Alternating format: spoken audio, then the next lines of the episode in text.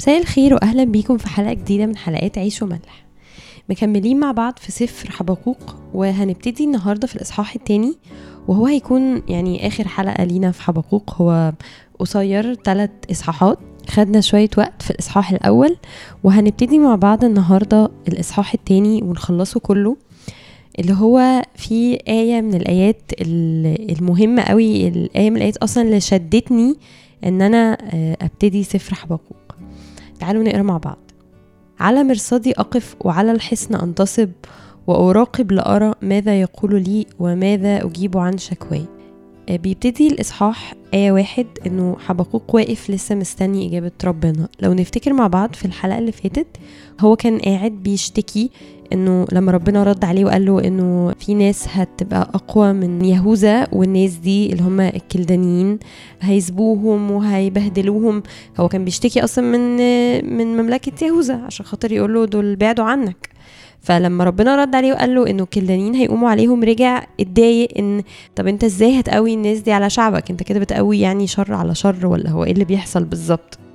وكان متضايق قوي. فبيبتدي الإصحاح الأول بإن هو لسه واقف بقى مستني بيقول له ربنا أنا مستني ردك عليا. بس اللذيذ قوي إن هو بيقول له وعلى الحصن انتصب يعني أنا واقف ومستني ردك بس أنا واقف على حصن مستنيك. الحصن ده هو إيمانه فهو بيعلن ربنا إيمانه إنه أنا جاي لك بإيمان واقف على حصني منتصب وأراقب عشان أشوف أنت هتقولي إيه.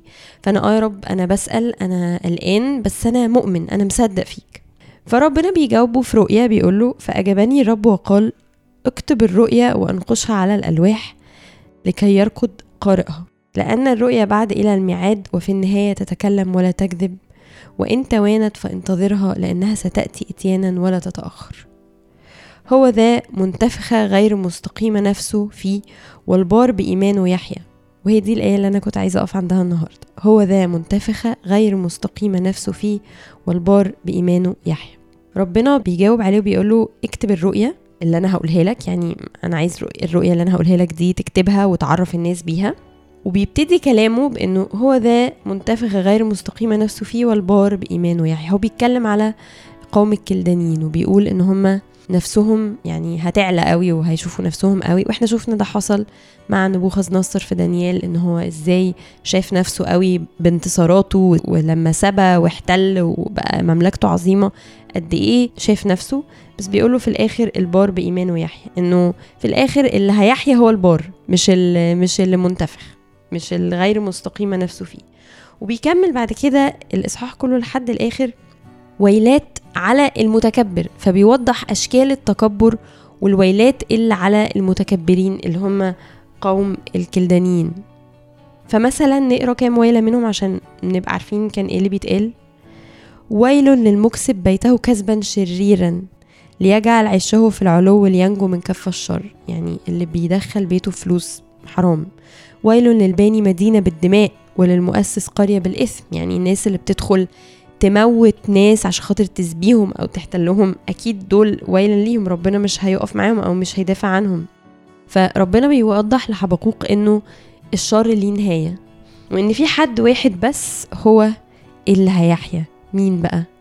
البار بإيمانه يحيا. وهي دي الآية اللي أنا كنت عايزة أقف عندها النهاردة. الآية دي أول مرة يعني جت قدامي أو لفتت انتباهي كانت لما قريتها وبولس الرسول هو اللي بيقولها. دي من الآيات اللي بولس قالها مرتين كمان. يعني مرتين في الرسائل بتاعته يقول الآية دي اللي قالها حبقوق في النبوة بتاعته.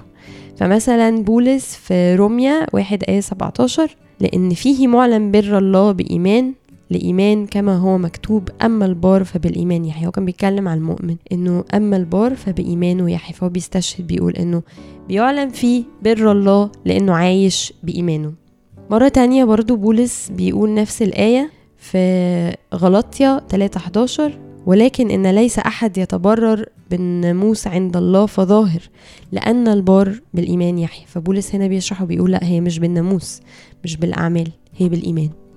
بولس من أكتر الناس اللي كلمتنا على الإيمان. وعشان كده هو ذكر الآية دي مرتين. إن هو كان فيها بيكلمنا على الإيمان اللي ربنا كلم عنه حبقوق في الرؤيا. طبيعي أول ما هتكلم عن الإيمان أكيد هبتدي أتكلم عن بولس. أنا بالنسبة لي هو من الأمثلة الأعلى. حد بحب أبص عليه قوي لما هي اتكلم عن إيمان لأن هو اتكلم عنه كتير. وهو كمان إيمانه كان قوي قوي مر بمحن واختبارات وهو بيبشر بس مفيش أي حاجة قدرت توقفه وكان متكل قوي على إيمانه. ودايما كان بولس بيتكلم عن قد إيه الإيمان والنعمة حاجتين ملتصقين ببعض. فأنا لما ببقى مؤمن بكون مؤمن بإيه؟ إيه الحاجة اللي بتديني إيمان؟ إيه الحاجة اللي بتكل عليها؟ عايزة أقرأ معاكم حتة من رسالة بولس الأولى لأهل كورنثوس إصحاح 15 آية 10 ولكن بنعمة الله أنا ما أنا ونعمته المعطاة لي لم تكن باطلة. بل أنا تعبت أكثر منهم جميعا ولكن لا أنا بل نعمة الله التي معي. يعني إيه نعمة أصلا؟ وليه لما بنقرأ كلام بولس ده بنحس إن هو عنده إيمان؟ وإيه علاقة النعمة بالإيمان؟ النعمة هي إنه ربنا بيشتغل فينا. النعمة قوة من عند ربنا عشان يحصل خير بينا ولينا. وعشان نجاوب على بقية الأسئلة إيه علاقة النعمة بالإيمان وليه دايما لما بنشوف بولس بيتكلم عن نعمة بنحس إن هو عنده إيمان عايزين نعمل تمرين لذيذ كده مع بعض. ناخد خمس دقايق نتأمل فيهم في حياتنا قبل كده ونشوف قد إيه نعمة ربنا كانت محوطانا. قد إيه ربنا وقف معانا في مواقف كتير كانت ممكن تبقى صعبة آه، مسك بإيدينا حمانا سطر علينا رزقنا. مواقف كتير قوي نعم غير محدودة ربنا بيديها لنا كل يوم هنحس بإيه؟ لما نبص على الصليب بتاع ربنا ونفتكر إن هو مات علشاننا ودي أكبر نعمة هو اداها لنا إنه مات علشاننا هنحس بإيه؟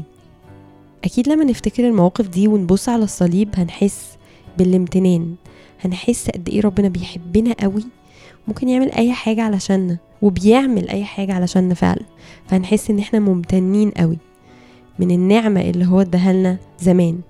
ولو خدنا نفس الشعور ده وفكرنا في المستقبل فكرنا قد إيه إنه حياتنا زي ما ربنا إدانا نعم زمان زي ما طول عمره بيحمينا وبيدينا وبيغرقنا بالعطايا أكتر ما إحنا محتاجين دايما بيقف معانا زي ما فدانا خدنا نفس الشعور ده ونقلناه للمستقبل وفكرنا في النعم اللي ربنا هيديها لنا في المستقبل وغمضنا عينينا كده وتخيلنا حياة مليانة من محبة ونعم ربنا. هنحس بشعور تاني جميل قوي. الشعور ده هو الإيمان. فالإيمان هو ثقتنا في النعمة اللي جاية لنا اللي إحنا لسه مستنيينها. الإيمان هو إحساسي إنه أنا في أمان طول ما أنا ماشي مع ربنا. أنا حياتي بين إيديه. أنا قوي طول ما أنا معاه. وأنا مش محتاج أي حاجة طول ما أنا معاه.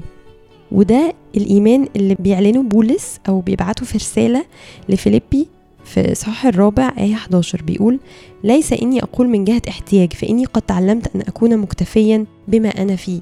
الإيمان وصله لمرحلة اكتفاء هو واثق في اللي جاي وحاسس إنه مش محتاج أي حاجة. وبيقول في آية 13 أستطيع كل شيء في المسيح الذي يقويني. الإيمان هو ثقتي إنه أنا مستقبلي مع ربنا مشرق مستقبلي مع ربنا مفهوش مستحيل. مستقبلي مع ربنا أكيد هيكون محمي وهكون مبسوط بالرغم من كل الظروف. بولس وهو بيقول الحاجات دي وهو بيبعت الرسائل دي أوقات كتير كان بيبقى في السجن مضطهد هربان بس ما كانش بيهمه لأن هو عنده إيه؟ إيمان واثق عارف النعمة اللي جات له قبل كده واثق في النعمة اللي جاية له قدام. قد إيه حياة مريحة وحياة رائعة إن أنت تبقى هادي ومتكل على ربنا تماما. تخيلوا لو خدنا كل يوم عشر دقايق الصبح نجرب فيهم التمرين ده. نقعد كده نفتكر ربنا عمل معانا إيه ونبتدي يومنا بإيمان بثقة إنه نشحن طاقة ليومنا إنه يا رب أنا واثق إن أنت هتديني النهاردة يوم جميل. أنا عارف أنا واثق فيك. أنا مش محتاج أي حاجة غير وجودك في يومي ده. وقتها بجد هنقدر نقول زي بولس أستطيع كل شيء في المسيح الذي يقويني. وهي دي بالظبط الرسالة اللي ربنا كان عايز يوصلها لحبقوق في الآخر. إن في وسط كل السبي والحياة الصعبة اللي هيعيشها شعبي والشر اللي في العالم اللي أنت ممكن تبقى شايفه وخايف منه قلقان أنا هقولك حاجة واحدة بس البار بالإيمان يحيا اللي هي تكفيك نعمتي. يعني من الآخر أنت عيش كده في بابل معايا عيش في دايرة محمية بيا أنت جوايا. هو ده الحل الوحيد لينا عشان نعيش جوه الدنيا دي بكل الصعاب اللي إحنا بنقابلها. إن إحنا نتكل بشكل كامل على الإيمان. وهي دي الرسالة اللي نقدر ناخدها من حبقوق ربنا حط السفر ده بالكامل اللي فيه شكوى حبقوق وخوف حبقوق وقلقه من عدم الإيمان ومن حال الشعب ومن السبي ومن مشاكل كتير قوي. عشان يقول له رسالة واحدة في الآخر. انت هتعيش بالإيمان. انت وكل الشعب هتعيش هتنجو بطريقة واحدة بس الإيمان. ودي كانت يمكن رسالة مش متعارف عليها قوي في الوقت ده بس عرفناها قدام بعد ما المسيح جه. بولس اتكلم فيها كتير قوي إنك تعيش بالإيمان بس. أوقات بنحس إن هي حاجة صعبة لما بيهاجمنا الخوف زي حبقوق كده وبنقف نتخانق ونتكلم مع ربنا بس هي دي السكة الوحيدة. وعشان نشحن إيماننا لازم ناخد وقت كل يوم نفتكر نفتكر اللي ربنا عمله معانا نفتكر يسوع عمل إيه عشاننا. عشان نشحن إيمان لباقي يومنا. أشوفكم الحلقات الجاية ونبتدي مع بعض اصفار جديدة.